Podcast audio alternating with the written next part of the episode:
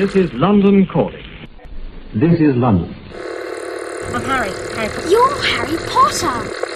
My name is Bond. Bond. Bond. Bond. Bond. Bond. James, James Bond. Bond. Tehát most akkor veszi. Így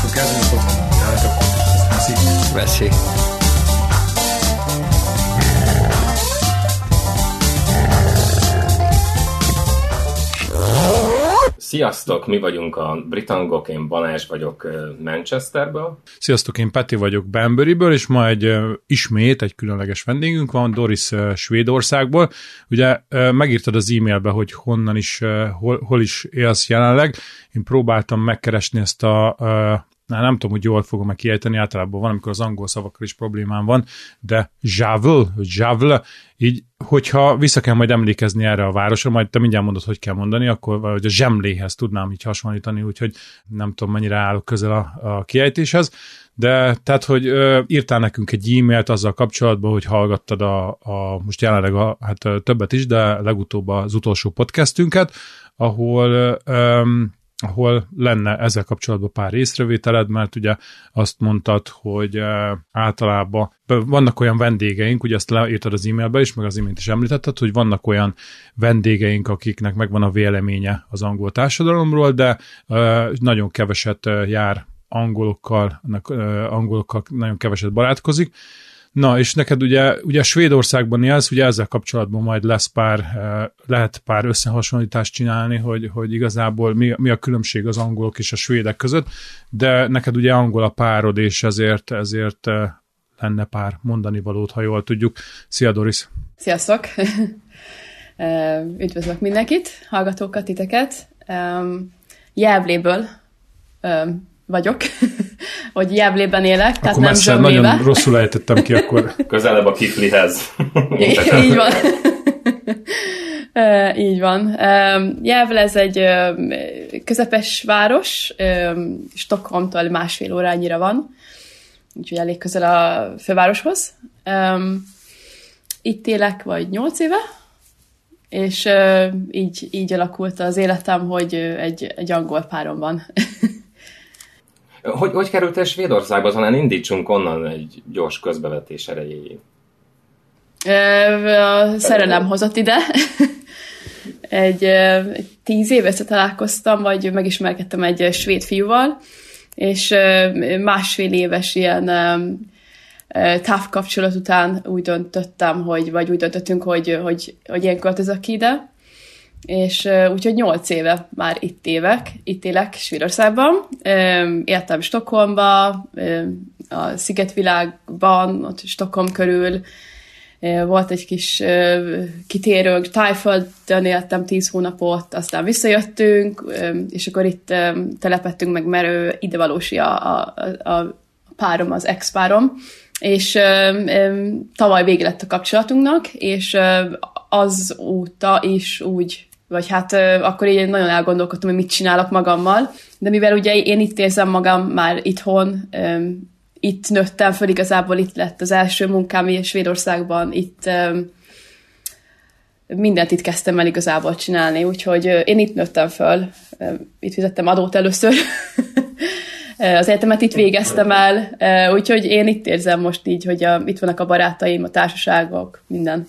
Úgyhogy itt maradtam, és, és tavaly megismerkedtem, hogy hát már régebb óta is, mert na, kezdjük ott, hogy egyetem közben én dolgoztam ilyen part-time, ban, egy, egy hotelban a városban, mint a recepción, és két éve a Microsoft elindított egy ilyen nagy projektet itt a városunkban, hogy itt ilyen database itt fognak felemelni, és ez miatt nagyon sok ír, angol és skót holland cégeket hozott ide, akik hosszú távon, ez egy 15 éves projekt körülbelül, elkezdtek itt dolgozni, úgyhogy tele lett az egész városunk, nagyon sok ilyen angol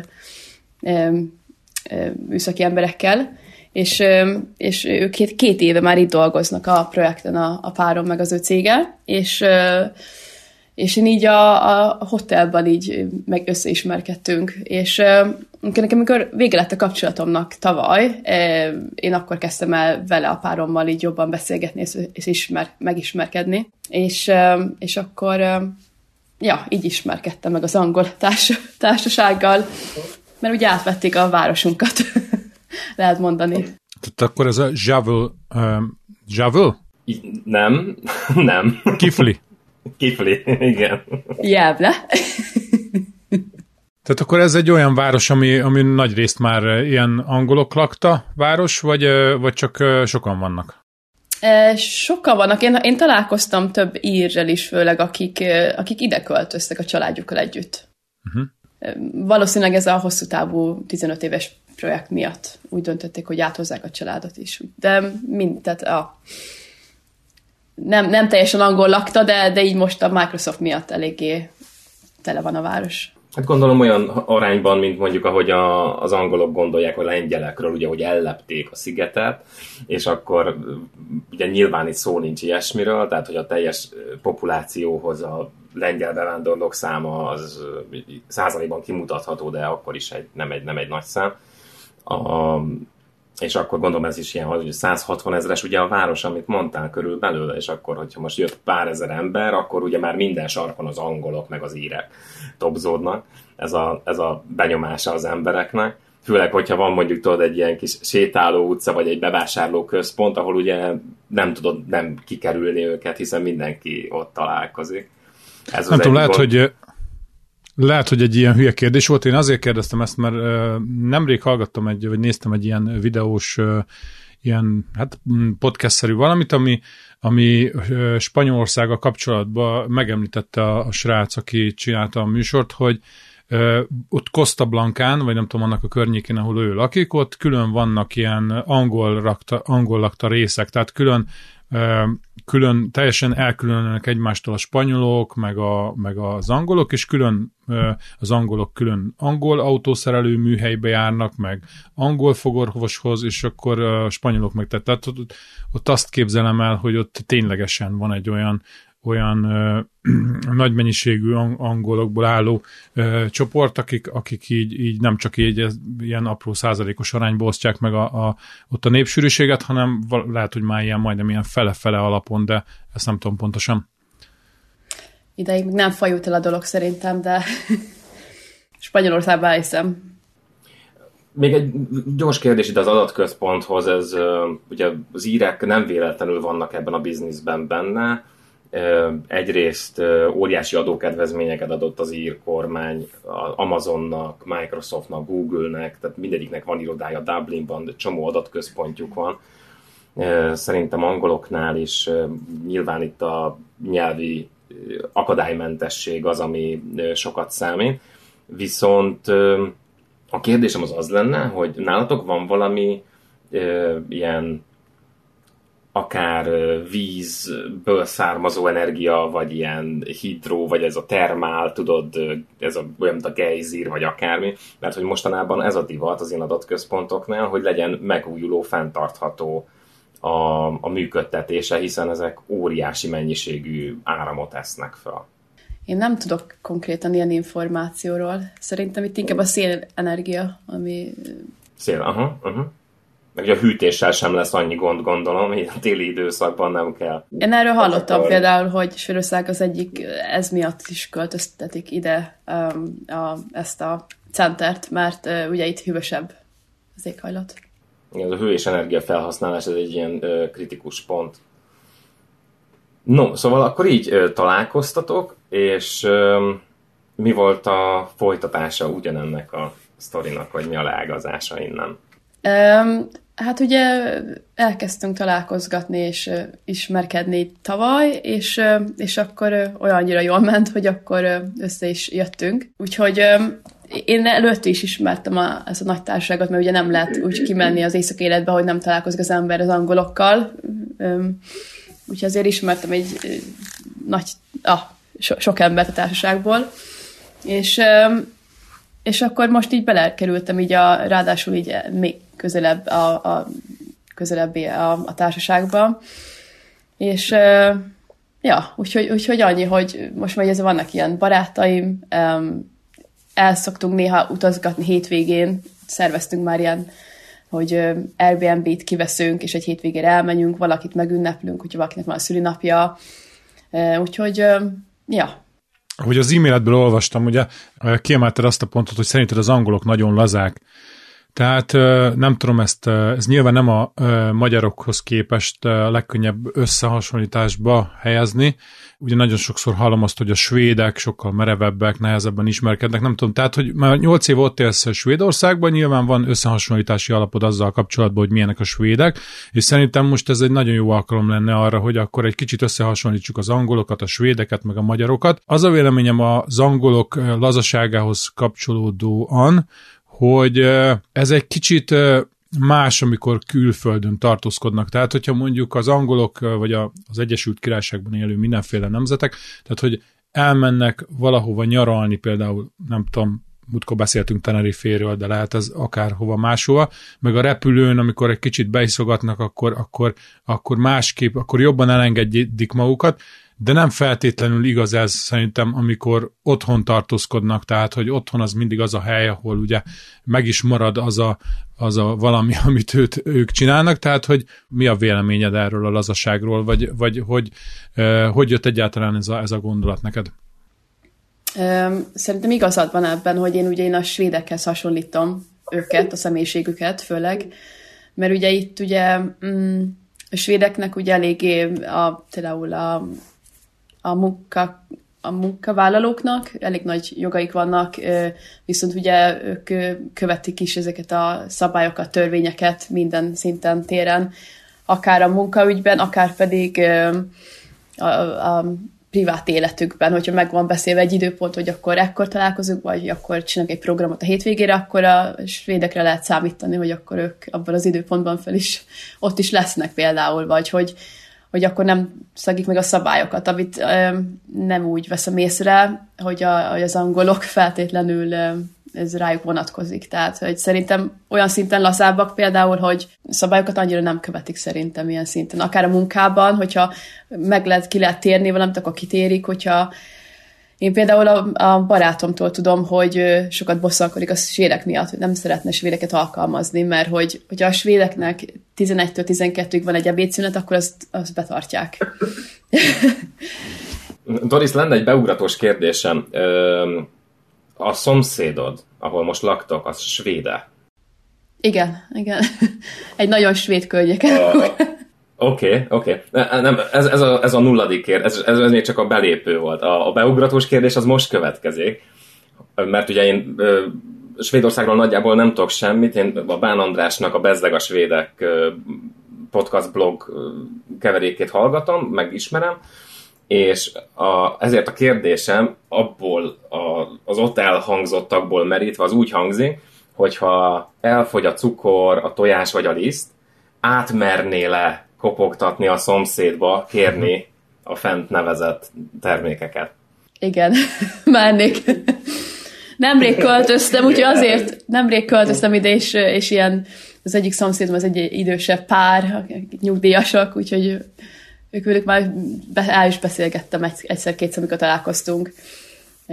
A másik pedig egy anyuka a két gyerekével, úgyhogy igen. Ja, tehát egyrészt ismered őket, ugye, és amikor találkoztok véletlenül, akkor nem fordítjátok el a tekinteteket, mint hogyha ott se lenne, és a, a levegőhöz beszélnétek. Nem, de hogyha ez egy svéd szokás, tehát ezt én is átvettem már, tehát hogyha ki akarsz menni, elhagyni az otthonodat, akkor kicsit kinyitod az ajtót, hallgatózol, hogy valaki van-e a, foly- a folyósón, vagy a lépcsőházban, és a sima terep, ha nyugis, akkor elmész. Ha hallod, hogy valami csörgés van, akkor vársz még pár másodperc.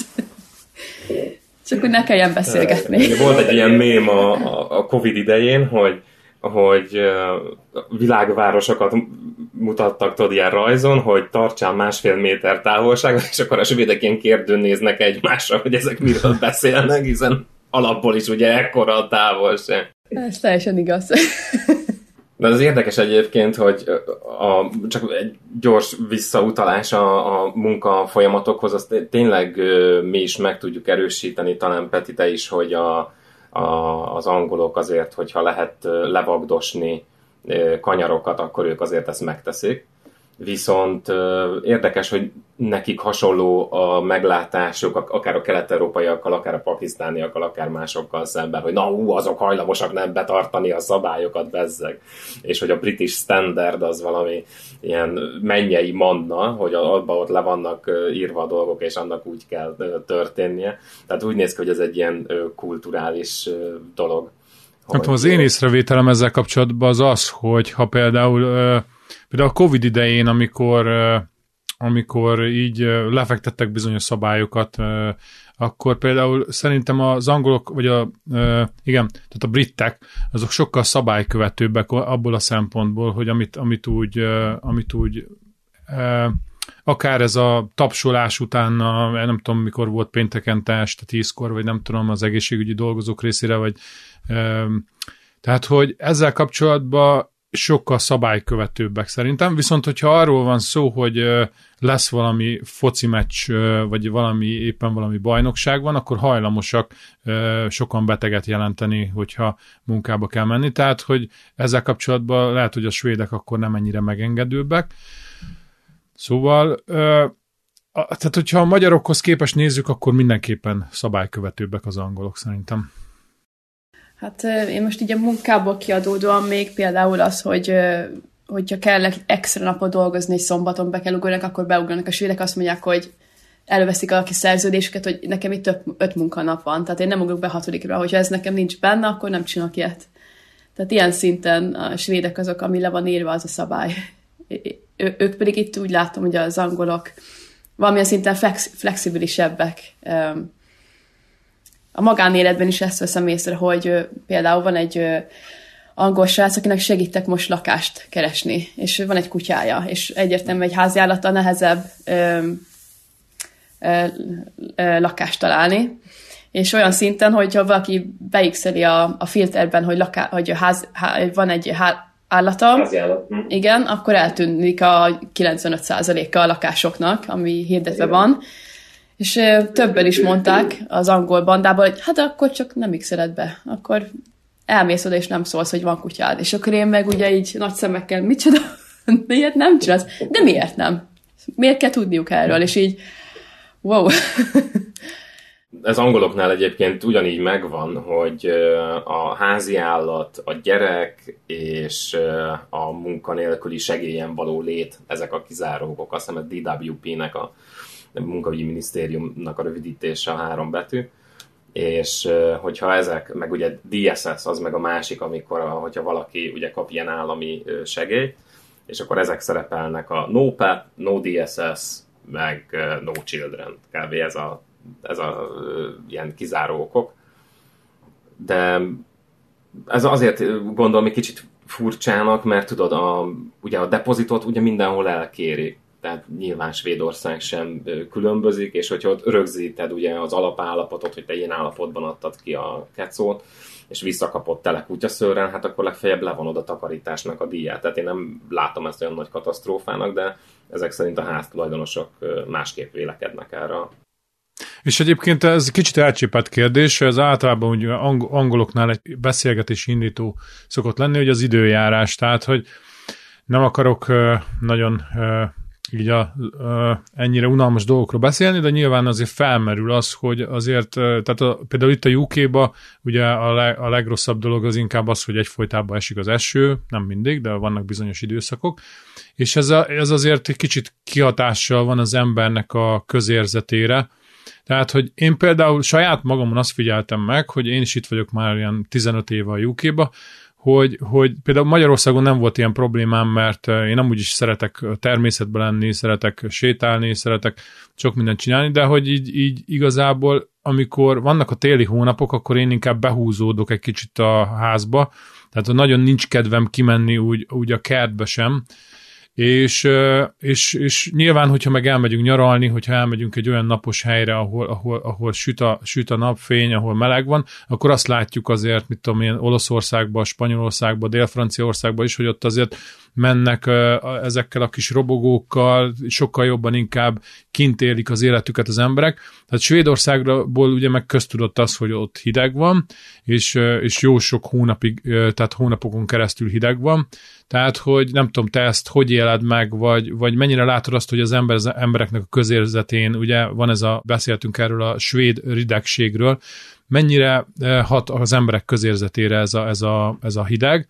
vagy ugye megvan ennek a, a másik oldala is, hogy nyilván lehet menni síelni, tehát vannak olyan dolgok, amire, amire mondjuk pozitívan hat ez az egész, de azért azért mégiscsak egy, egy olyan ország, tehát hogy te hogy viszonyulsz ezekhez a dolgokhoz? Hát ez, ez szerintem ez ugyanígy van Svédországban is, ha még nem fokozottabban, mint Angliában, hogy az emberek beszélgetnek az időjárásról. Itt ugyanez van, hogy hat hónapig ez a hideg, sötét, nagyon sötét, ez a téli hónap, és akkor van pár hónap a nyára. És ugyanitt is úgy van, hogy itt is egy eléggé beszélgetnek az emberek ugye az időjárásról mindig. És, és, és ez a 6-7 hónapos téli időszak, amikor sötét van nagyon sokáig, ez, ez ami szörnyű. Úgyhogy itt is az emberek azért ezt mondják is, meg, meg ugye így, így lehet így érezni is a közérzeten, hogy, hogy a téli hónapokban nem olyan bulis a, a az emberek közérzete, a kevesebbet van kint az ember.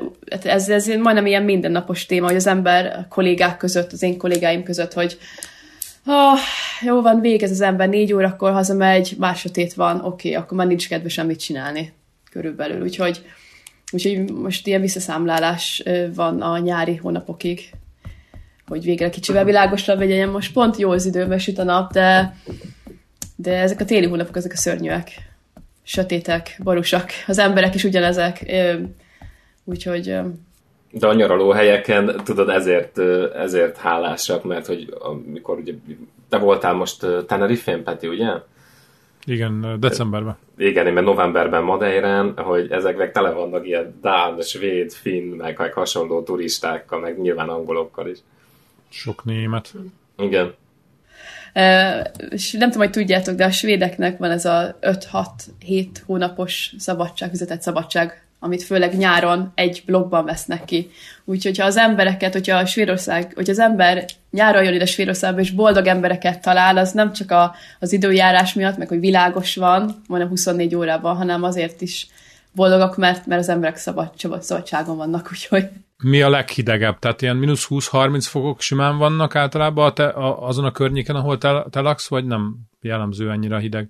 Ö, ugye ez itt közép-Svédországnak lehet mondani, ahol én lakok. Itt a leghidegebb aztán mínusz 15, de a globális felemegedés miatt idén még nem volt. Tehát január vége, február elején kellett volna a leghidegebbnek lenni, és mondom, hogy plusz fokok voltak.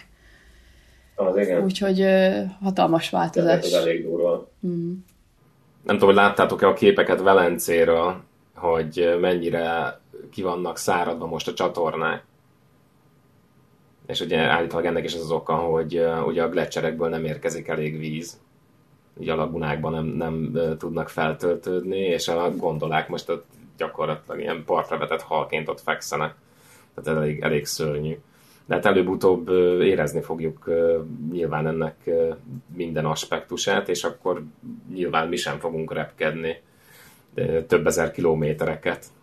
Nekem van egy ilyen sanda gyanúm, hogy előbb, előbb-utóbb itt húzni kell egy vonalat, mert azért ez, ez nem fenntartható így ebben a formában. Valaki azt mondta egyébként, hogy, hogy a léghajózás esetleg visszatérhet mint olyan. Tehát amikor nem, tehát az a klasszikus léghajózás, amikor nem hajtott propellerrel semmi, hanem csak a eltérő légáramlatokkal ö, hajtod magad, tehát tudnod kell, hogy milyen magasságon merre fúj a szél, de ennek van egy olyan folyamánya, hogy mondjuk egy London-New York az mondjuk lehet két hét is, hogyha úgy adja ki. De ez csak egy ilyen kis kitérő, szerintem térjünk vissza még erre a svéd-angol vonalra. A párod Angliába hova valós? Melyik, melyik tájegységből származik? Um, Essex, Chelmsford. Aha, tehát igen, az egy, az egy elég jó környék. Fél órányira van vonattal Angli- vagy Londontól. Ö, Hogy, hogyan tudtok repülni egyébként Svédország és Anglia? Hova, hova vannak járatok? Mennyit kell, el kell mennetek Arlandára? Ö, Vagy van közelebb is valami reptér? Öm, hát igazából Arlanda az egy, egy órányira van innen Jelvlétről, úgyhogy ez nem rossz. Ja, hát az nincs is messze. Aha. Úgyhogy ő az, aki re- repked, meg megy öm, Anglia és öm, Svédország között a munka miatt. Öm, de ugye ez a öm, perks of living in London, hogy tele van reptérrel, mindenfajta reptérrel, úgyhogy ő csak úgy elő, elúlik az egyik reptérre, és jön is ide a Landára, úgyhogy ö, elég könnyű a repülés így a két ország között. Mm. Ja.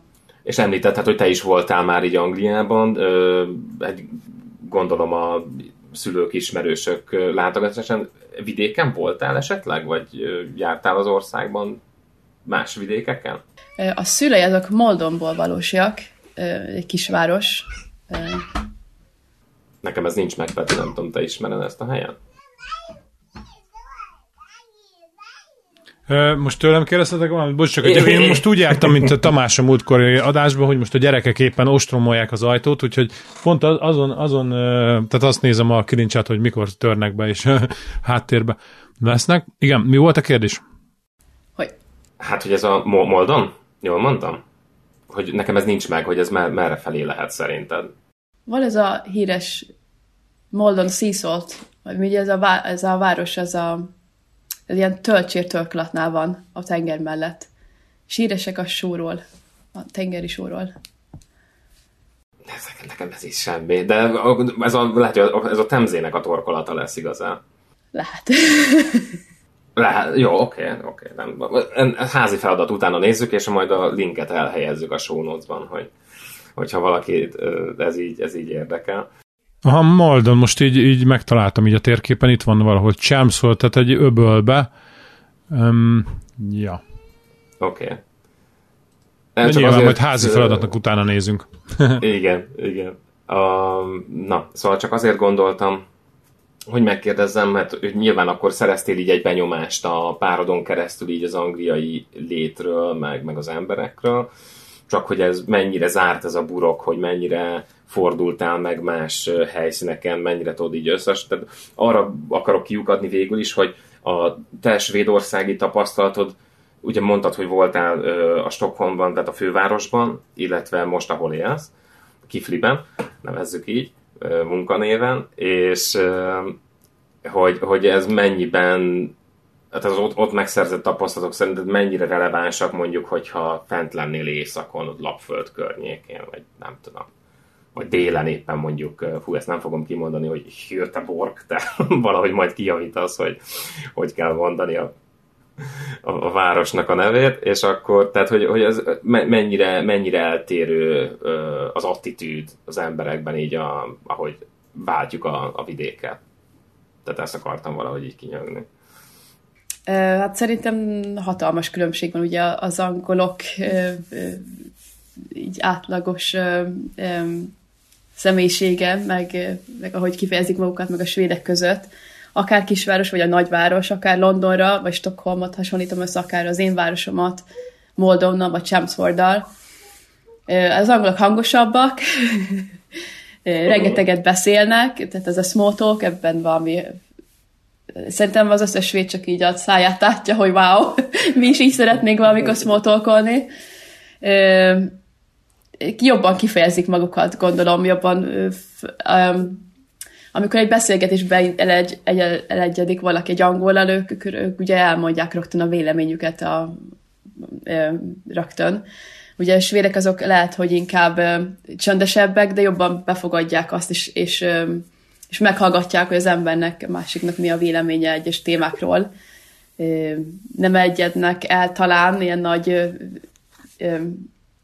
hogy mondják ezt, ilyen csatákba, vagy vitákba egyes dolgokról, hanem inkább a békességet megtartják.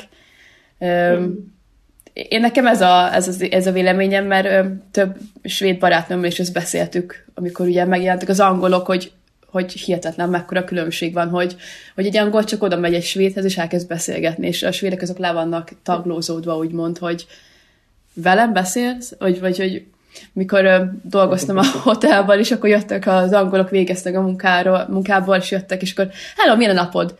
És így csak így a kollégáimmal így egymásra néztek, nekem milyen napom? Mi? Hozzám beszélsz? Úgyhogy érdekes, hogy, hogy sokkal ilyen szinten svédekhez képest sokkal nyitottabbak, vagy akár ilyen a butikban elkezdett velem, nagyon meglepődtem, Chelmsfordban voltam, és ott elkezdett, nem is Chelmsfordban, ah, Londonban voltam meglátogatni pont akkor a páromat, és ő egy ilyen kicsit külvárosi részen bérel egy irodát, és elmentem ott az egyik ilyen kis butikba vásárolni ebédet, és elkezdett hozzám beszélni a kasszás, és akkor teljesen meg voltam lepődve. hogy... A Svédországban a Doris az előfordulhat, hogy mondjuk a szupermarketben vásárolsz, és nem találsz egy terméket, és odafordulsz egy vásárlóhoz, tehát nem egy alkalmazotthoz, és a vásárlótól kérdezed meg, hogy látott esetleg olyat, vagy tudja, hogy hol van, melyik polcon tartják? Inkább akkor nem vásárolom meg azt a terméket. És ez nem csak én, az összes svéd. Én, én csak átvettem a svédeknek a mentalitást. Inkább akkor hazamegyek a termék nélkül. Szerintem ez egyén függő egyébként, vagy nem tudom, de legalábbis én általában nem szoktam megkérdezni, én inkább keresgélek még egy másfél órát a boltba, hogyha arról van szó, főleg, hogyha mondjuk ilyen bevásárlóközpontban vagyok ételt, vagy valami, tehát hogy én nekem, hogyha azt mondják, hogy keresd meg a nem tudom milyen tésztát, akkor biztos vagyok benne, de hogyha, hogy nem találom meg, de hogyha mondjuk a BNQ-ban meg kell keresni egy csavart, akkor azt hamarabb megtalálom nyilván. Mert tudod, van itt egy éles választóvonal észak és dél között, az angolok valahol a köztes állapotban vannak, hogy ha mentek majd Franciaországba, akkor ott tapasztalhatjátok azt, hogy az emberek így motyognak magukban. Mond, felmondhatja a bevásárló listát ilyen mantra-szerűen, hogy jaj, még ezt kell vennem, azt kell vennem, de az, hogy így megbök, és megkérdezi azt, hogy mi hol van, vagy, vagy ilyesmi, az teljesen normális. Spanyoloknál dettó, és ez még akár kicsúcsosodhat egy olyanban is, hogy elkezdtek egymással receptet cserélni, vagy, vagy megbeszéltek azt, hogy az adott hozzávalót milyen kajákhoz lehet felhasználni, és ez teljesen rendben van. Ugye az angolok ilyenkor már hátra hőkölnek. A, ugyanennek a, a leágazása az, hogy nem tudom, Svédországban szokás-e köszönni, hogyha bemész a boltba. Ugye az angoloknál ilyen, hát inkább nem szokás, van ahol, van, ahol már előfordul, hogy visszaköszönnek, vagy valami, de, de semmi. A franciáknál meg a legnagyobb bunkóság, hogyha nem köszönsz, hogyha bemész egy üzletbe. És nem, nem köszönsz kifele menet sem. Tehát az, az egy teljesen elvágtad magad. Ezek az alapvető különbségek, amit én egyébként így nem szeretek. Tehát, hogy az angoloknál, hogyha akár egy helyen dolgoztok valakivel, és, és általában, ha rá is köszönsz, akkor nem köszön vissza. Még a franciáknál ez a bonjour monsieur, meg, tehát hogy ott, ott nem tudom, mert egyébként az angoloknál is ugye vannak ezek a formalitások, hogy megkérdezik, hogy hogy vagy. De az eseteknek a 90%-ában nem kíváncsiak a válaszra, oda, tehát hogy ez inkább egy, nem tudom, köszönés, vagy nem tudom, de lehet, hogy a franciáknál is ez egy formalitás, de nekem tetszik az, hogy, hogy megmaradnak ezek a formalitások, és, és köszönnek egymásnak, lehet, hogy régi módi vagyok, de, de azért szerintem sokkal közvetlenebb, sokkal barátságosabb az, hogyha az emberek azért nem úgy mennek el egymás, egymás mellett, mint, mint két, nem tudom, mint akik utálják egymást. Erre csak egy gyors közbevetés, hogy nekem az egyik ilyen kedvenc Bán András sztorim volt, hogy azt hiszem nem vele történt meg, hanem ismerősével, hogy jött a, jött a lift az emeletes házban, Svédországban, és, és ott utazott egy szomszéd. De nem, nem is emelet szomszéd, hanem valahol más emelet, és ugye az olyan, mint hogyha már egy másik városban élő lenne az illető, és akkor a hősünk mondta, hogy hello. Ugye azok meg így lehajtott fejjel, lesütött szemmel, ott álltak és nem reagáltak semmi. Eltelt két másodperc, és akkor a srác oda vetette. Ja, akkor nem hello. akkor visszaszívta. Ezt nagyon-nagyon viccesnek találtam. Nálunk a mellettünk lévő szomszéd egyébként nem szeret köszönni, neki a felesége ő már szokott, Viszont a szembe, szemközt lévő angolok, ők nagyon köszönősek, ők barátságosak, ők velük szoktunk beszélgetni, tehát hogy itt is általában azért változó az, hogy ki milyen. Hát látod, hogy svéd... az... Ja, bocsánat, mondjad. Ugye nem, csak a svédek ezek szerint akkor általában az esetek túlnyomó részében azért ilyen ridegek, te nem köszönősek. De, pedig igen. Azért itt, itt köszönnek, viszont nem jelenti azt, hogy beszélni is akarnak vele. Tehát azért itt meg, ezek a formalitások itt is megvannak, sőt, emlékszem, amikor kiköltöztem először Svédországba, akkor, akkor úgy éltem meg majdnem, hogy olyanok, mint az amerikaiak, hogy hello, szia, milyen volt a napod, hogy vagy? És akkor éreztem, hogy wow, Tehát én, én még, mi, tehát hogyha most akkor, hogyha magyarokhoz hasonlítanám a svédek, azok még mindig nyitottabbak a svédek, még mindig ilyen formali. Tehát ez a, ez a, ez a hogy azért ö, oda köszönök, megkérdezem, hogy hogy van, az, az, ez itt jelen van.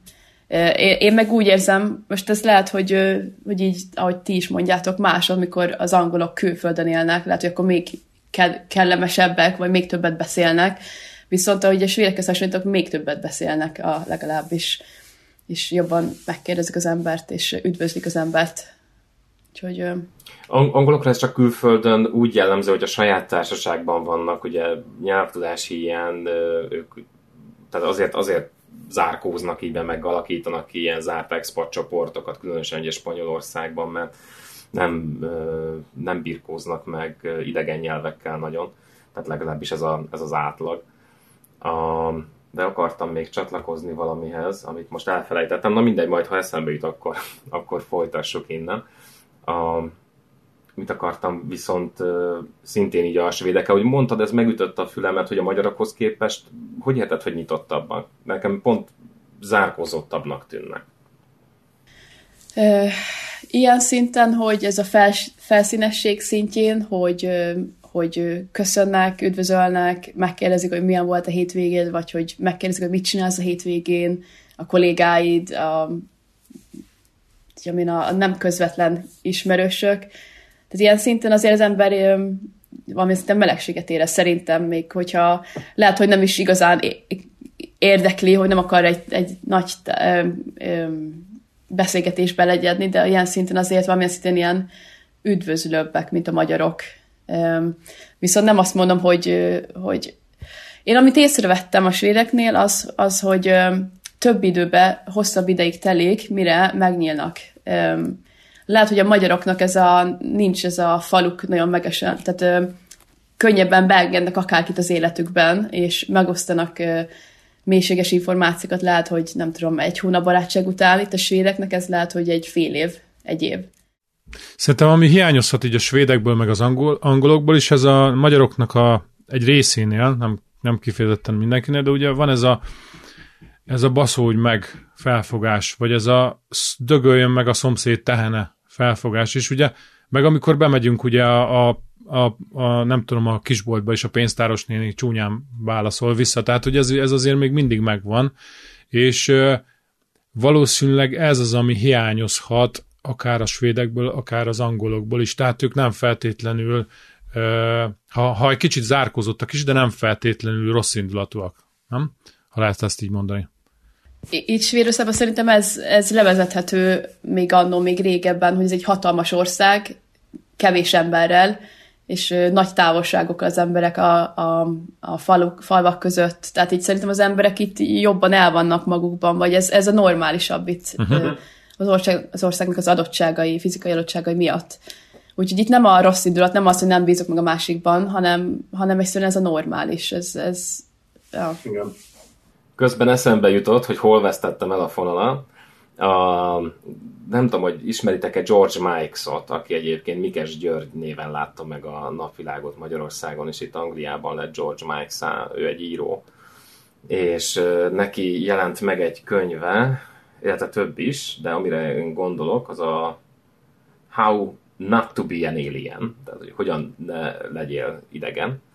És ott az angol szokásokat próbálta nagyon vicces formában leírni hozzá hasonló bevándorlóknak, ugye zsidó származású volt, és a második világháború elől menekült Angliába, és próbálta így összeszedni azokat a kulturális különbségeket, ami, ami, ami, amivel ő így találkozott, de hát értelemszerűen ez, ez már ilyen ős kövületi időtávolságban van, tehát javarésze a könyvben leírtaknak ma már vagy nem igaz egyáltalán, vagy nem úgy igaz, ahogy ő ezt tapasztalta. Na de ebben a könyvben van egy ilyen, ez a levágott fej teszt, ami a, az angoloknak a hűvös távolságtartására utal, hogy egy londoni tömegközlekedési eszközön te minden további nélkül egy levágott fejjel a szatyrodban te felszállhatsz, úgy, hogy látszik a szatyrodban, hogy abban egy ilyen levágott fej van, és senki nem szól hozzád, mert hogy az a te bizniszed, az a te dolgod.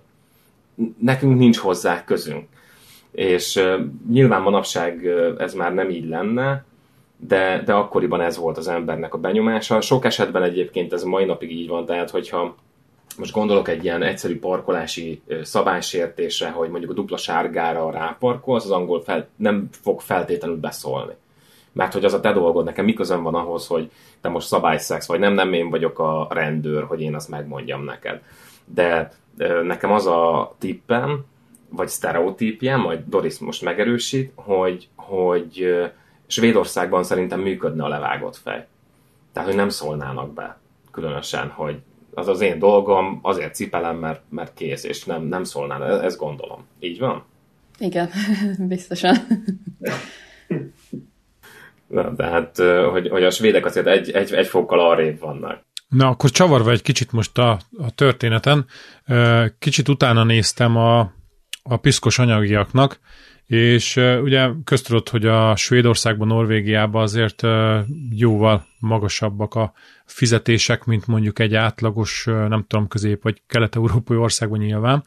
És most itt kiemeltem így három adatot, az egyik a svéd, a másik a UK, a harmadik a magyar átlagfizetések, és ez is elég, eléggé megvitatható kérdés, mert ugye, amit majd mindjárt magyar fizetések, átlagfizetésekként is meg fogok jelölni, tehát a keresésből kiindulóan, az elég magas összegnek számíthat mondjuk egy kelet-euró, vagy egy kelet-magyarországi régióban, mondjuk Szabolcs-Szatmár megyek, megy, Bereg megyébe, vagy Békés megyébe.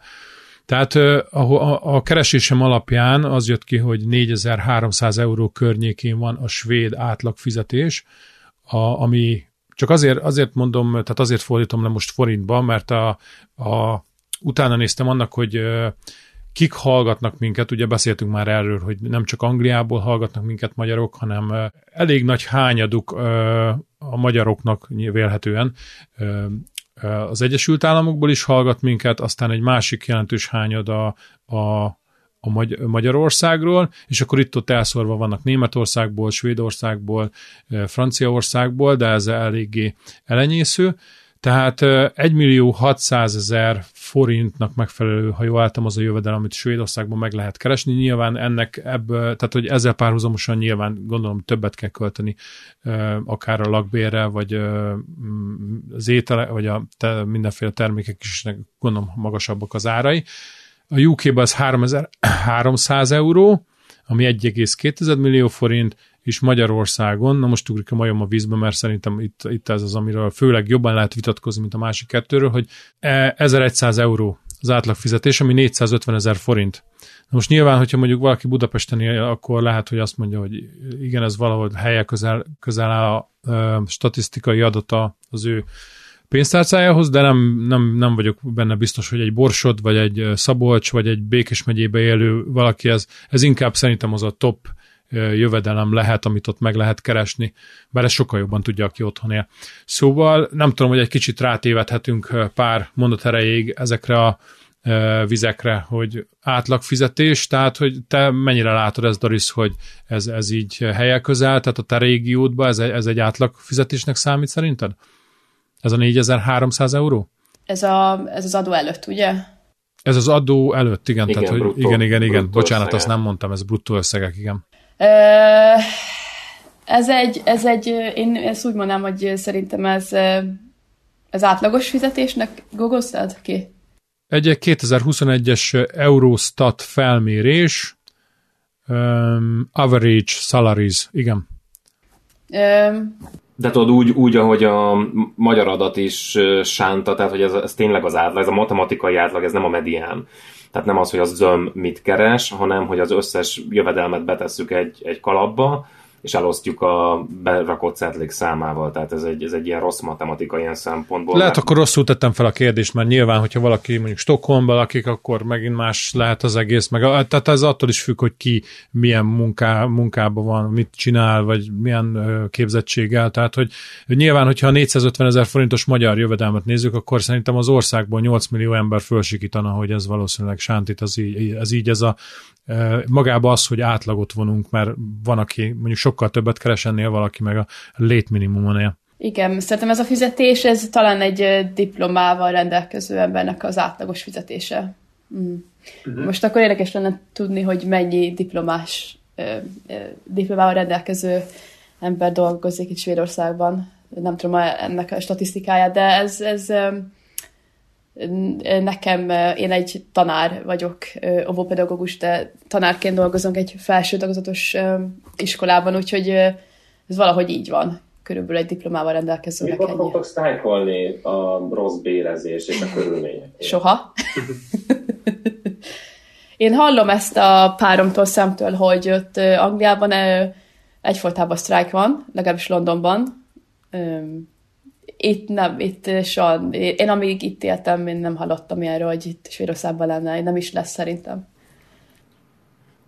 Csak azért kérdezem, mert tényleg, hogy Peti előbb mondta, hogy sokan hallgatnak minket Magyarországról is, és hiteles forrásból lehetett Magyarországon hallani, felerősítve az Origo, illetve a központi állami tévécsatornák által, hogy hogy hamarosan svédek hordákban fognak menekülni Magyarországra, mert a bevándorlókkal szembeni befogadás miatt elveszítik a kultúrájukat, az életterüket és a mindenüket, és Magyarország lesz az a biztonságos harmadik ország, ahol majd ők letelepedhetnek.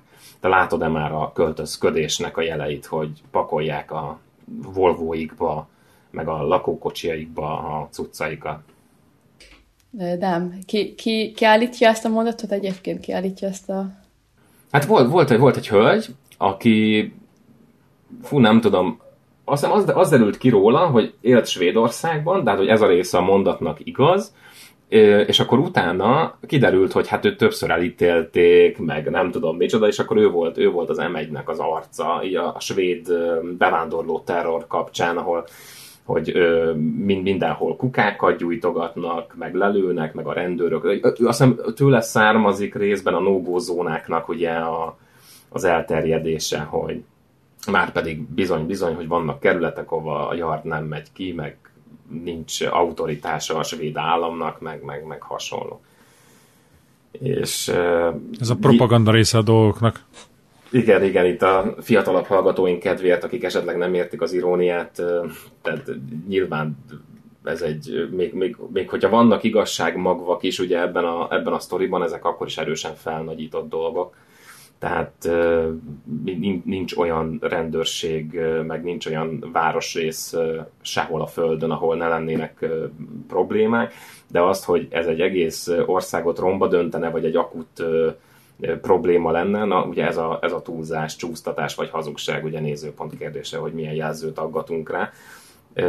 De tényleg a viccet félretéve, amikor ugye a jövedelmek szóba kerültek, itt csak az, hogyha ha elvégzel egy iskolát, és az nem kell, hogy feltétlenül gimnázium legyen, nem kell, hogy feltétlenül diplomád legyen, hogyha nem egyszerű kék galéros munkakörben elhelyezkedsz, gondolok itt mondjuk egy Lidl pénztárra, vagy kasszára, akármi, gondolom akkor sem kell az ingyen konyhára menned mindenféle élelmiszerjegyekkel, hogy valahogy megéljél. Tehát ez lenne a kérdés. Csirkefarhátot vásárolni. Igen, igen, igen.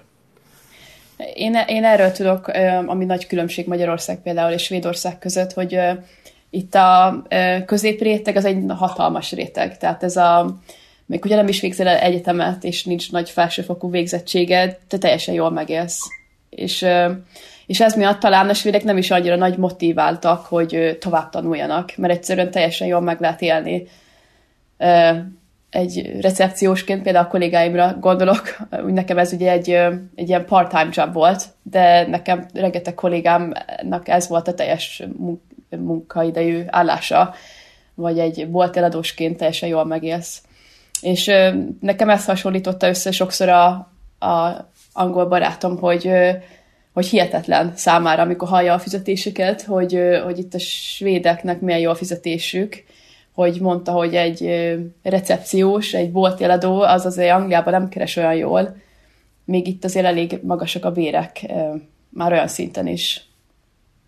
Sokszor azt szokta összehasonlítani Angliát Svédországgal a fizetéseket, meg az árakat, illetve, hogy, hogy ő jelvlét, az én kisvárosomat, ő londoni árakhoz hasonlítja. Az én kisvárosomban londoni árak vannak az, a szupermarketben, a, milyen, akár milyen szolgáltatások kapcsolatban, és hogyha az ember elmegy Stockholmba, az pedig fölturbózott londoni árak, tehát az ilyen kétszerese. Az a bel- belső London, tudod, ahol csak a Lamborghini-vel lehet parkolni, mert egyébként be se engedne. És ilyenkor például egy étteremre gondol, ilyenkor például egy sörre valamit, hogyha az ember megvenne. Tehát, hogy a, itt Svédország a, ah, például Stockholmban a dupla londoni árak figyelhetőek meg. Tényleg a, a praktikum talaján maradva mennyibe kerül mondjuk egy fodrász, hogyha te elmész egy, egy, egy fodrászhoz? E, hogyha nő vagy, hogy és hosszú hajad van, például ilyen hosszú, mint nekem, válligér vagy hosszabb, akkor egy, az én városomban, ami ugye nem főváros, 2000 korona, az egy 200 euró minimum. Akkor egy, haj, egy haj, hajfestésről és vágásról beszélünk például, egy hosszabb hajú nőnek. és ez Stockholmban mondjuk akkor ah, 300 euró például körül mozog. Na, Én annyira nem vagyok tisztában ezekkel az árakkal, de valószínűleg itt hogy fele annyi lehet körülbelül. Igen, itt, itt én ezt hallom, hogy, hogy drágábbak a szolgáltatások, ezt, ezt gondolja az én svéd barátom is, vagy angol a svéd árakról. De ugye van, van, van az a másik sztereotípia, tudod, hogy a svédek bemen, felmennek a, a kompra berúgni, tudod, van ez a, van ez a toposz. És akkor most látom a, a svéd nőket a fapados járatokon menni akár Kelet-Európába, vagy akár máshova a fodrászhoz. Mm.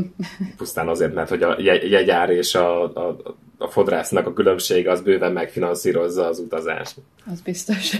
De ez mondjuk tudod, a fogorvosi kezelésekkel azt hiszem ez a mai napig működik, nem? Tehát, hogy ugye az egy gyenge pont talán a, a svéd rendszerben a fogorvos. Ugye, hogy az fizetős, az nincs benne a, az állami uh, ellátásban. Van egy van egy bizonyos szint, amíg, amíg fizetned kell, és hogyha azt meghaladod, akkor utána meg az állam fizeti, de ez egy elég én úgy tudom, hogy szoktak itt az idősebb kollégáim panaszkodni, hogy mennyit kell fizetniük. Ha nincs problémád a fogaddal, csak ilyen éves szinten lecsekkolják ingyen, egyszer, egyszer egy évben, behívnak, és azt ingyenesen lecsekkolják, de van egy elvileg egy, egy valami ár szint, amíg, amíg neked kell saját magadnak finanszírozni. Saját zsebből fizetni. Így van. És hogyha meghaladod azt az árat, utána meg az állam segít neked. Úgyhogy uh-huh. valahogy így működik. Itt Angliában ugye az a probléma, hogy uh, itt uh, szinte csak uh, priváthoz van esélyed bejutni, a, az állami helyek azok korlátozottak, akkor is kell fizetned valamennyit, igaz, hogy tehát a, a kezelési összegekhez képest csak jelképes összeget, ilyen 50-100 font körüli összegeket, de, de nincs hely, tehát nem tudsz, nem tudsz effektíve bekerülni ebbe a rendszerbe, és hogyha sürgősen kell intézned valamit, akkor csak a privát adhat így menedéket, ott viszont meg elég vastagon fog a ceruza, tehát egy konkrét tapasztalat, egyik ismerősnek kellett a fogát így emergency jelleggel gyökérkezelni, és a számla végösszeg az 2000 font lett. Tehát ez nem okozott így problémát kiszámlázni. Tehát ez egy jó tanács mindenkinek, hogy a fogokat tartsuk rendben, hogyha valaki megy Magyarországra haza, akkor első útja menjen a fogorvoshoz, hogyha van valami gond, akkor azt ott lényegesen olcsóbb elintézni. Tényleg előző vendégünk is ugye most Magyarországon van, és azt hiszem, talán ő is twittelte, hogy 450 fontnak megfelelő forintért rendbe rakták a, a, az ő, ő fogait is, ami az angol kollégák meg így elhűlve, hogy úristen, úristen, hát az ingyen volt. Az angolok meg van, hogy Törökországba járnak e, fogorvoshoz, vagy hajbeültetésre. Vagy, igen, ezek a kozmetikai kezelések is népszerűek. Én ismerek több ilyen angolt is, aki aki ragyogó fehér fogakkal jött vissza Svédországba a törökországi útja után, igen. Uh-huh. Azt tudom, hogy nyáron szeretné jönni a Angliába, hogy megismerhessd a párodnak a családját, és tehát ennyi, te eddig akkor még nem volt alkalmat, hogy megismerd őket. De találkoztam velük, egyszer ők, a, legalábbis a szülei azok jöttek egy hétvégére, vagy pár napra ide Svédországba meglátogatni, hogy hol, hol laknak a fiaik, és én is voltam nyáron egy hetet, másfél hetet Angliába, Londonba is, meg ott Essexbe is, ahol laknak. Hát én ezt továbbra is ezt tartom, hogy az angolok azok barátságosak, beszédesek az a svédekhez képest. A családja az nagyon befogadó, ez a, ez a small talk, ez valami zseniális. Az, hogy a, lehet, hogy a svédeknél ez, ez talán lassabban menne egy ismerkedés elején, mint egy új rész a családnak. Lehet, hogy ott annyira kínosabb csöndek lennének, hosszabb csöndek, itt, itt ilyenről nem volt szó például hanem itt, hanem itt egyfolytában ment valami a, az, a vacsora közben. Nagyon befogadónak érzem a családját. Egy, egy ilyen példa például, az, hogy az egyik nap a, a párom az el kellett menjen Londonba az irodájába egész nap, és, és az lett volna az opció, hogy akkor én meg ugye ott lettem volna egész nap egyedül. És hogy, és hogy nekem azért mégiscsak egy jó emlékem legyen, gondolom Angliáról, vagy hogy ne egyedül legyek, akkor teljesen összefogott a családja, hogy akkor megbeszéltek, hogy a, a huga, akinek van egy ilyen szépségszalona, elvisz magammal ebbe a kis wellness centrumba, ahol ő dolgozik, és amíg nincsenek kliensei, akkor, akkor, akkor addig ott beszélget velem, elintézte, hogy akkor elmegyek a gymbe, ott ebben a wellness centrumba, elintézte ott a recepción, hogy akkor tudom én, féláron elmessek a gymbe, amikor ő végzett az ő klienseivel, akkor kijött, akkor ebédeltünk, és mondta, hogy ahogy a következő kliense jött, akkor elintézte a páromnak az anyukája jöjjön el értem, és akkor csináljunk valamit, csak hogy ne unatkozzak. Úgyhogy ezt az összefogás, hogy akkor hogy csak hogy jó élményem legyen Angliában, ne legyek egyedül. Ezt elég ilyen barátságos hozzáállásnak éltem meg. Most karácsonyra például itt, oly, oly, nagyon napos idő van itt Svédországban, elnézést. nem tudom, mit csinálják. Ez is már a klímaváltozásnak a jelen, kisütött a nap. Hát nem tudom, hogy hogy üljek. Elnézést. Karácsonyra is itt karácsonyoztak a, a párom itt Svédországban, meg a, az öccse, és a családja, a szülei küldtek ajándékokat nekem, a, a mamájától kaptam ajándékot, akivel egyszer találkoztam csak, úgyhogy pozitívan vagyok meglepődve a családdal kapcsolatban. Elképzelhető, hogy esetleg később majd visszaköltöztök Angliába, és ott, ott fogsz te is lakni? Um, ez egy, ez egy, nem tudom, ez, ez még ilyen folyamatban levő döntés szerintem. Um, én annyira nem tudom, hogy mennyire vagyok nyitott Angliával kapcsolatban, egyszerűen annyira um, szeretek itt élni Svédországban, hogy, hogy hogy a párom az például elég, elég aggódott is, hogy nekem az én gondolatom Angliával az túlságosan negatívak. Mm-hmm. Én viszont én próbálok nyitott lenni az, az tehát tényleg az, az angol kultúrára menőleg, és ezért is vagyok nyitott, hogy, hogy akkor két hónapra kimegyek nyára Angliába akkor megnézem. És a párodnak mi a benyomása Svédországgal kapcsolatban? Most eltekintve attól, hogy ugye vannak ezek a kulturális különbségek, de mondjuk ő el tudná képzelni az életét ott? Uh-huh. Igen, és meg nem is. Én uh-huh. úgy veszem észre, hogy nagyon az itt élő, hosszabb egy-két éve itt élős angolok nagyon kriti- kritikusak a svédekkel szemben. Nagyon szeretnek kritizálni. Lehet, hogy a svéd ennyire nem mondta, nem hangoztatná a véleményét, ők igen. Nagyon hidegnek mondják a svédeket. Viszont, ezt, viszont ők is ezt kihangsúlyozták, mint a családom, itt voltak és meglátogattak, hogy ez a, ez a nyugodtság, ez a, hogy az emberek nem annyira stresszesek, ez, ez nekik is nagyon tetszik. Ez, hogy nagyon közel van a környezet, a, a zöld, tehát nagyon környezetudatosak, szeretik a környezetben lenni, ez, ez nekik is, az angoloknak is tetszik, hogy nagyon megragadta őket, hogy, hogy tisztaság van, közel vannak Nincs az szemét erdők. eldobálva. Igen, igen. Tehát kimész, Angliában ez egy, ez egy elég komoly baj.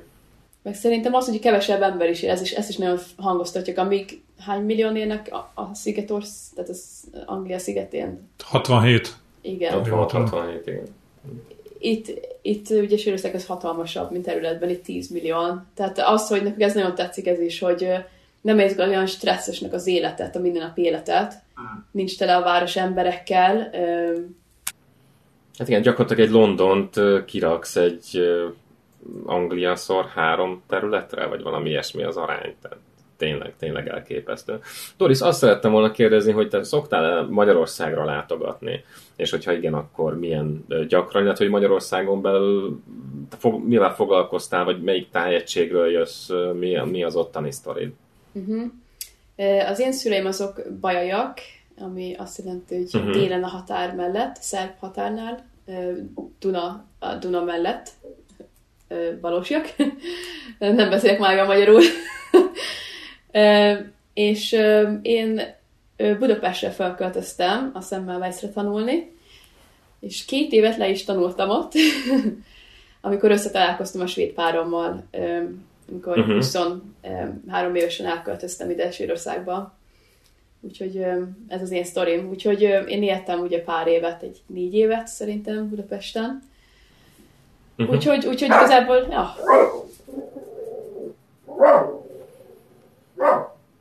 Egy pillanat. Bocsánat.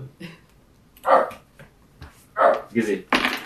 Na, én közben addig érdekességként szeretném közbe fűzni azt, hogy egyik korábbi vendégünk Lili, aki az egyik korábbi epizódban szerepelt a Britangoknak a műsorában. Kétszer is, mert egyszer Balázsral beszélgettünk, aztán volt egy nagyon korai epizód, még talán a, mindegy, nem mondom, hogy hanyadik epizód, akit érdekel, az, az úgyis megkeresi és visszahallgatja. Tehát ő is erről az Essex, nem tudom pontosan, hogy Chelmsford, vagy Colchester, nem emlékszek már pontosan, ő is Essexben lakik, és most egyetemen ott tanul, hogyha jól tudom, úgyhogy ha a hallgatóink közül bárki, aki, aki esetleg nem hallgatta még akkor, akkor, akkori műsorainkat, az vissza megkeresheti Lili, Lilinek az epizódját valamikor az még az elején. Na, aztán visszatért közbe Balázs. Igen, sikerült kutyával megbeszélni, hogy a mosógép és a postás az nem támad. Mondjuk ugye vasárnap nincs postás, ez csak a mosógép volt, de a forgódob hatalmas veszélyt jelentett a család integritására, de megoldottuk. Igen, és egyébként az angoloknál egy sokan tartanak szintén hozzá hasonlóan kutyát, nem tudom, hogy Svédországban ez mennyire gyakori a, a, az állattartás bent a házban, ugye, mert hogy hol is tartsuk általában az állatokat, mint nem, nem ám a kertben, mert az angol, Angliában az állatkínzásnak minősül. a kertben tartás a kutyáknak? Igen. Ah, ó. Tehát én már Nem tudom, rebel tehát- is vagyok, tudod, nálunk hibrid a kutya, ugye úgy, úgy van, hogy a, a garázs az itt van rögtön a, a ház mellett, és a, azon van egy ilyen macska ajtó, tudod, ilyen lengő ajtó. És akkor, amikor nem vagyunk itthon, akkor a kutya kint van, be tud menni a garázsban, hogyha, hogyha éppen olyanja van, de kint nyugodtan ugathatja a madarakat meg, amit ugye szokott.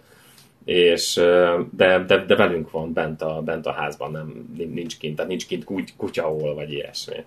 Én erről Szóval- beszélgettem egy angol sráccal, és ő ne, elmondtam a, az ezzel kapcsolatos véleményemet, hogy én ugyannyira nem tudnék kutyával együtt lakni házon belül, mert hogy különböző okok miatt ugye hullatja a szőrét, vagy ilyen okok miatt. Ugye akik kutyatartók, azok teljesen más véleményen vannak, tehát nyilván ez, ez nem okoz problémát, de hogy ö, ez csak az én véleményem volt, és ő teljesen fölháborodott azon, hogy már pedig a kutya az a házba való, mert hogy pedig itt Angliában egyébként nincs, ne, télen sincs olyan túl hideg, meg nyilván, hogyha túl hideg van, akkor az ember azért csak csinál bár ilyen olyan óvintézkedéseket ezzel kapcsolatban, de nyilván Svédországban meg hideg van, tehát ott szóba se jöhet a, az, hogy kint tartják a kutyát, de ugye Magyarországon ez egy, egy, egy általános dolog, hogy a kutya csak is láncon, kertben, vagy nem tudom, lehet, hogy már megváltozott az embereknek a gondolkodásmódja ezzel kapcsolatban, de, de itt például a, a láncon tartás az, az szerintem fel is jelentené a, a szomszéd a másikat, hogyha ezt, ezt látná itt Angliában. Ugy- ugyanez lenne itt Svédországban is, sőt, nekem van erről egy sztorim, hogy a, az angol ismerőseim a svédekkel egy eléggé nagy probléma, problémába kerültek a kutya miatt, A, a páromnak az öccse vett egy kutyát egy fél éve, és ők a, a hotelben, ahol dolgoztam, annak van egy lakás része, ahol ők ott laknak, és ott ugye a kutyával együtt a lakásban egy kicsi kis francia buldog, és az ő családjuk, az, az mindig is egy kutyatartó, nagy kutyás család, és, és ugye ő, ő vett egy, ahogy ő tanulta, hogy hogyan kell egy kutyát tartani lakásban, vett egy ilyen kis ketrec féleséget magyarul, ahogy a kutyának ott letette az ágyat, csinált meg, meg mindent, hogy akkor hogyha esetleg kutyát oda be lehet zárni, hogyha, hogyha túlságosan hangos, vagy, vagy akkor ott aludjon a kutya. És hogy ezt a ketrecet ugye ott a lakásban tartotta, és a, a, a hotelnek a takarítója, ezek ugye jöttek minden héten egyszer takarítani, és akkor meglátták a svédek, svéd takarítók, hogy ott a kutyát egy ketrecben zárják néha, és, és elkezdődött a híre menni a hotelban, hogy hú, a ketre, az angolok a kutyát a ketrecben tartják, és olyan szinten, hogy, hogy a recepciósok azok figyelmeztették a, a, a páromnak a, az öcsét, hogy ez így illegális Svédországban, úgyhogy nagyon gyorsan a ketrecet azt el lehet onnan venni, különben följelentik a rendőrségen, hogy az egyik takarító, hogy ez rossz kedve van. Úgyhogy, úgyhogy itt a svédek azok nagyon állatbarátok, és nem szeretnek ilyet csinálni, hogy ketrecbe zárni az állatot, vagy akármit. Van ez a gyerekek, kisgyerekeknek szokták ezt a kerítést venni, és inkább, hogy ezzel elkeríteni egy részt a lakásban, hogy azért egy kicsivel több emberség és több helye legyen a kutyának mozogni. Úgyhogy a végén az a, az a fejeződött be a sztori, hogy, hogy a kettőt azt el kellett dobja a, az angol, a, a páromnak a, az öccse, és akkor vette ezt a gyerekeknek szoktak venni ezt a kis elkerítő övezetet, csinált a kutyának és teljesen kiakadtak, hogy a svédek azok hogy gondolkodnak, miközben ők az egész életükben mindig is kutyás család voltak, és ez teljesen normális Angliában. Doris, említetted, hogy volt egy rövid epizód az életedben, amikor Tájföldön voltál. Erről mesélsz egy kicsit, hogy hogy kerültél oda, milyen apropóba?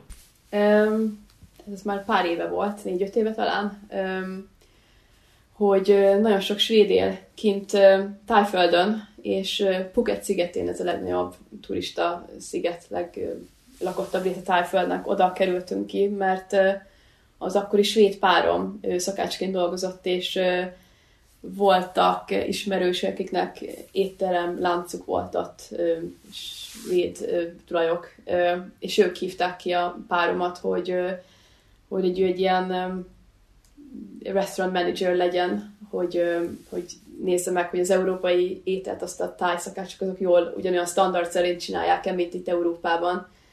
És akkor ezért költöztünk ki oda, egy másik ismerős, ismerőseinkkel együtt, és akkor ott éltünk egy 10-11 hónapig Phuket szigetén, és nem volt rossz egy életforma.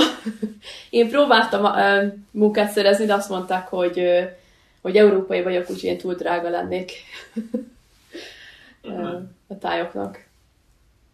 Úgyhogy nekem egy hosszú szabadságom volt ott. De az teljesen jól hangzik. Úgyhogy ebből a szempontból viszont érezni. igen, az, ang- az idősebb angol férfiak és a svéd angol férfiak között annyira nem túl sok különbség van, mert nagyon soknak láttam a fiatalabb táj barátnővel sétálgatni, úgyhogy ebből a szemszögből az angolok és a svédek között nincs túl sok különbség. Igen, itt a, a tájfeleség export probléma körét pedig, aki nem hallotta, az pedig hallgassa meg a Csengével készült beszélgetésünket, aki ugye próbált vízumot szerezni, hogy az Angliában élő párjához tudjon csatlakozni, de nem túl sok sikerrel, tehát itt, itt lehetnek közös kapcsolódási pontok. És Svédországgal kapcsolatban ki tudnál emelni három olyan dolgot, hogy miért érdemes ott élni? Te mit szeretsz? Mi az a három legfontosabb dolog, ami, amit uh, Svédországgal kapcsolatban ki tudsz emelni? Én is kiemelném a nyugalmat, um, amit az ember uh-huh. kap bármilyen, szerintem bármilyen városban is él, vagy bármilyen közegben dolgozik. Nyugalom, a természet jelenléte, és um, hogy élhető, élhet, tehát a fizetések mhm. például. Uh-huh. Tehát hogy gondolom ez kapcsolódóan a jóléti szolgáltatások mindenféle, tehát hogyha fogorvoshoz kell menni, vagy hogyha akár a, a tanulással kapcsolatosan, vagy a munka, ez mind-mind hozzájárulhat ahhoz, hogy másképp éli meg az ember a mindennapjait, mint mondjuk Magyarországon, bár most nem célom azt, hogy Magyarországot bármilyen rossz színbe tüntessen fel, mert nyilván mindig minden változik, bár de az az igazság, hogy vannak olyan dolgok, amik, amik akár 20-30 vagy 40 évre visszamenőleg is megmaradtak, mint nem tudom, hagyomány. Jó, hát akkor nem tudom, hogy ugye az egyik még mindig, tehát a beszélgetés után még mindig bennem fennmaradt az a kérdés, amit megemlítettél az e-mailedbe, hogy neked más a véleményed az angolokról. Én úgy, ér, én úgy érzem, hogy ezt a, ezt, a, ezt a más véleményt még nem teljesen tárgyaltuk ki, vagy pontosan nem értem, hogy mire célzol. Tehát, hogy volt valamiféle ö, olyan felmerülő vélemény esetleg az egyik podcastban, amire, amire ez valamilyen reagálni szerettél volna, vagy mit, mit, ér, mit értesz pontosan azon, hogy más a véleményed az angolokról? Én ez alatt Pontosan azt értettem, hogy több vendégeitek, vendégetek kiemelt ezt a mozdulatot, hogy, hogy nem tudom, x évet éltek Angliában, mégsem kerültek, nincsenek angol ismerőség barátaik. Mert uh-huh. úgy érzik, hogy ja. az angolok hidegebbek, mint például a magyarok. Nem olyan nyitottak, vagy nem tudnak olyan mélyre ható barátságokat kialakítani, mint a magyarok. És én így, hogy nekem két nagyon jó angol barátnőm is van, és, és nagyon több mély kapcsolatom is van több angol ismerősöm, illetve a párommal is, én ezt meg tudom cáfolni. Vagy legalábbis én, én ezt nem így érzem, hanem, hanem majdnem, hogy azt érzem, hogy kevesebb ideig telik, hogy, hogy az emberek az angolokhoz közelebb kerülnek, mint például a svédekhez.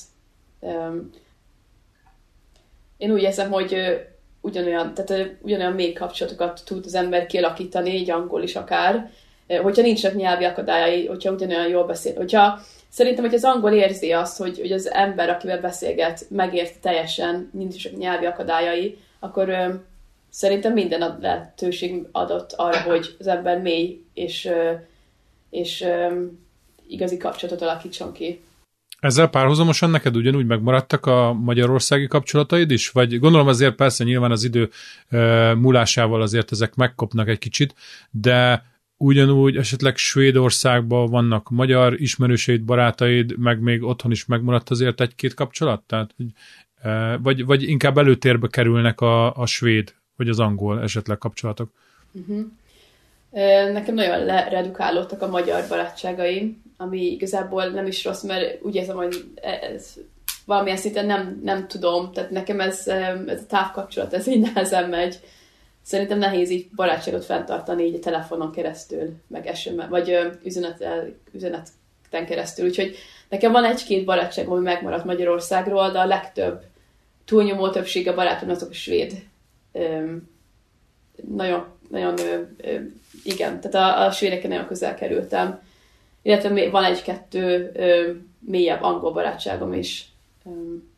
Úgyhogy mindenféle van, úgyhogy össze tudom hasonlítani, hogy milyen ö, mélyen kerül az ember egy, egy, egy, egy barátságba. És, és én úgy érzem, hogy a svédek, hogyha, hogyha például lehet, hogy ez a nyelvi akadály miatt annyira nem mernek nyitni, hogy ez attól félnek, hogy nem érti a másik olyan szinten, meg a, nem, nem tudom, hogy mi kell nekük ahhoz, hogy kinyíljanak, de én nem látom az akadályát annak, hogy, hogy, az ember egy, egy angol is ugyanolyan még barátságot kialakítson, mint egy magyarral vagy svéddel. Szerintem kell ehhez egy valamilyen szinten egy ilyen belülről fakadó nyitottsága lenni az embernek. Én úgy érzem, hogy az e-mailedből is, ahogy, ami, ami, amit írtál, meg ahogy így beszélgetünk, hogy te pont az az ember vagy, akinek ez nagyon könnyen megy, akár az ismerkedés, vagy a barátkozás a svédekkel, vagy egy, egy másik nemzet, nemzetnek a tagjaival, de hogy Igazából, meg ugye említetted azt, hogy ugye a podcastekből is ez szűrődött le neked, hogy a legtöbb embernek ez általában inkább az ellenkezője, inkább problémát jelent, és én magamon is érzem azt, hogy ö, reng, nagyon, ö, nagyon sokszor gondolkodok azon, hogy ö, például nekem, nekem ez napi szinten problémát jelent, a munkám során általában angolokkal beszélgetek, angolokkal érintkezek, és mégis valahogy ez, ez nem marad meg olyan szinten, hogy, hogy egyszer-egyszer esetleg közelebbi kapcsolatba kerüljek. Tehát, hogy én, én megint a, csak a másik oldalon vagyok, tehát én megint csak azoknak a táborát tudom erősíteni, akik, akiknek valahogy ez így nem jön össze. De mondom, ez inkább az ember természetéből fakad, tehát hogyha valakinek olyan természete van, akkor ez, ez, ez természetes, és ezzel nem kell talán annyit dolgozni se, de nem tudom, Balázs, te melyik táborba tartozol, de ugye a podcast jeinknek a, a túlnyomó többsége, tehát a szereplők túlnyomó többsége általában megint csak ebbe a kategóriába ta- tartozik. Lehet, hogy egyébként, hogyha valaki mondjuk gyerekkorába kerül ide, akkor, akkor sokkal könnyebb, mert ugye nem tudom, tehát amikről beszéltünk talán az egyik korábbi vendégünkkel is, hogyha például, nem tudom, felhoztál egy mondókát, ha jól emlékszem Balázs azzal kapcsolatban, ugye, hogy ez Magyarországon valaki me, megemlíti, akkor rögtön tudod, hogy hogy kell folytatni, de ugye ugyanígy megvannak az hivatkozási alapok az angol társadalomban is, hogy, hogy, hogy, hogyha itt megemlítenek egy hasonló dolgot, akkor, akkor mi azt nem fogjuk, nem fogunk rá emlékezni, vagy nem tudjuk, hogy miről beszélnek. Tehát, hogy lehet, hogy kellenek ezek, ezek a közös,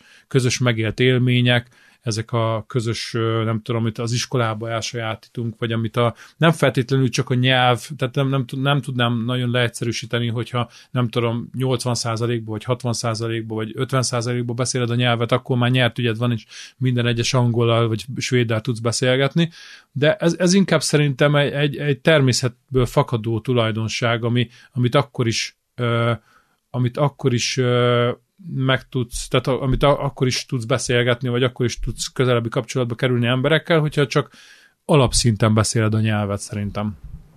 Egy gyorsan rád csatlakoznék, hogy szerintem fején találtad a, a szöget ezekkel a kulturális referenciákkal. Tehát, hogyha valaki egy magyarnak azt mondja, hogy a Vágási Feri beszállt az internetbe, ugye akkor, hogyha te ezt angolként érted a szavakat, akkor sem tudod, hogy ez kb. mire utal, ki az a vágási Feri, miért szállt be az internetbe, meg ilyenek. Én sem tudom uh, Ugye mi is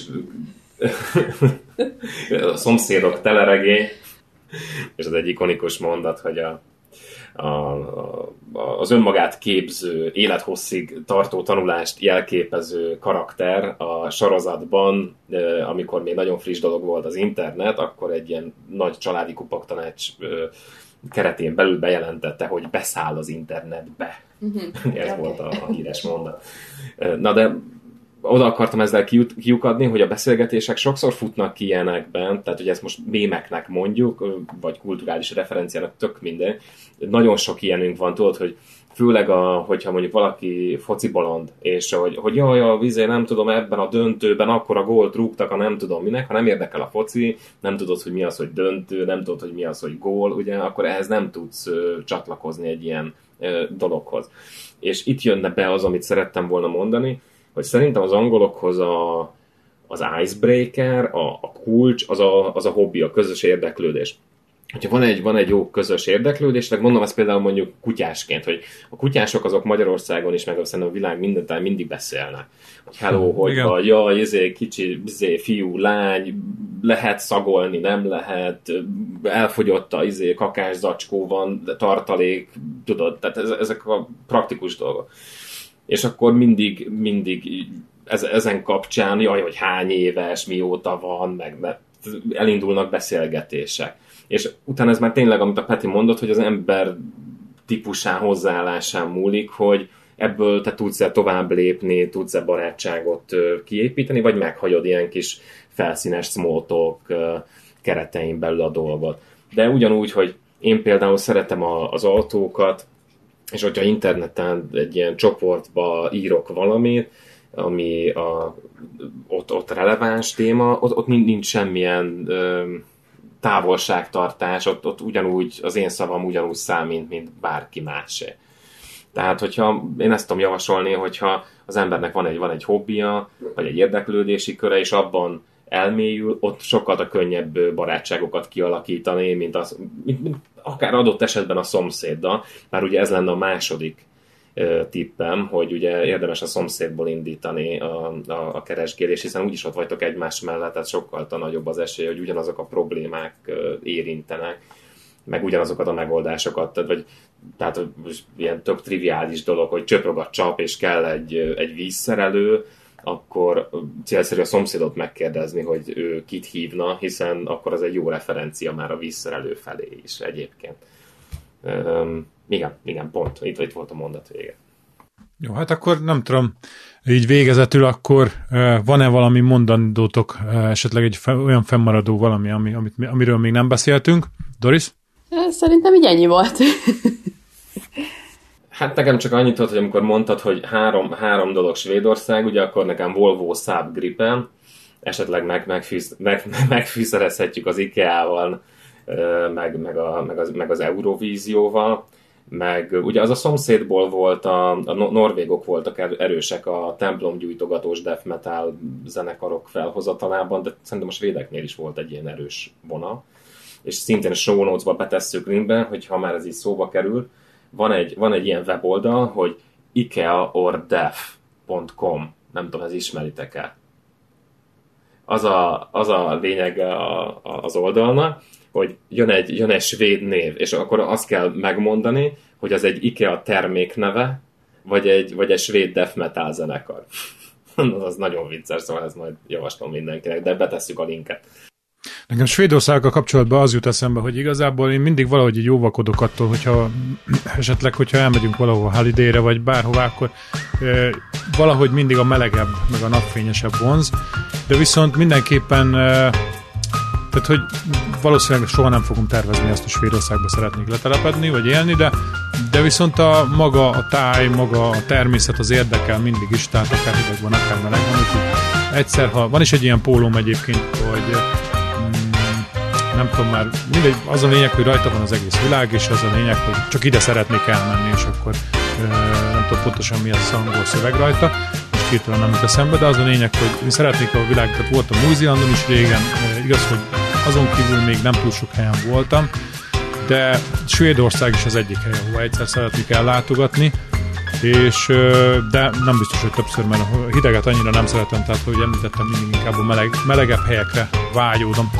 Úgyhogy nem tudom, én ezzel szeretném akkor zárni a most, mostani podcastünket, aztán reméljük, hogy a hallgatóink számára is sikerült egy érdekes, egy érdekes nézőpontból, egy érdekes megvilágításba szemlélni az angliai, vagy akár a svéd dolgokat, aztán, hogyha bárkinek valami hozzászólása van még ezzel kapcsolatban, akkor nyilván beszélhetünk róla, úgyhogy én köszönöm a vendégünknek, Dorisnak a jelentkezését, aztán remélem még majd tudunk vele beszélni, hogy hogy alakult majd itt az angliai életének a, a részei.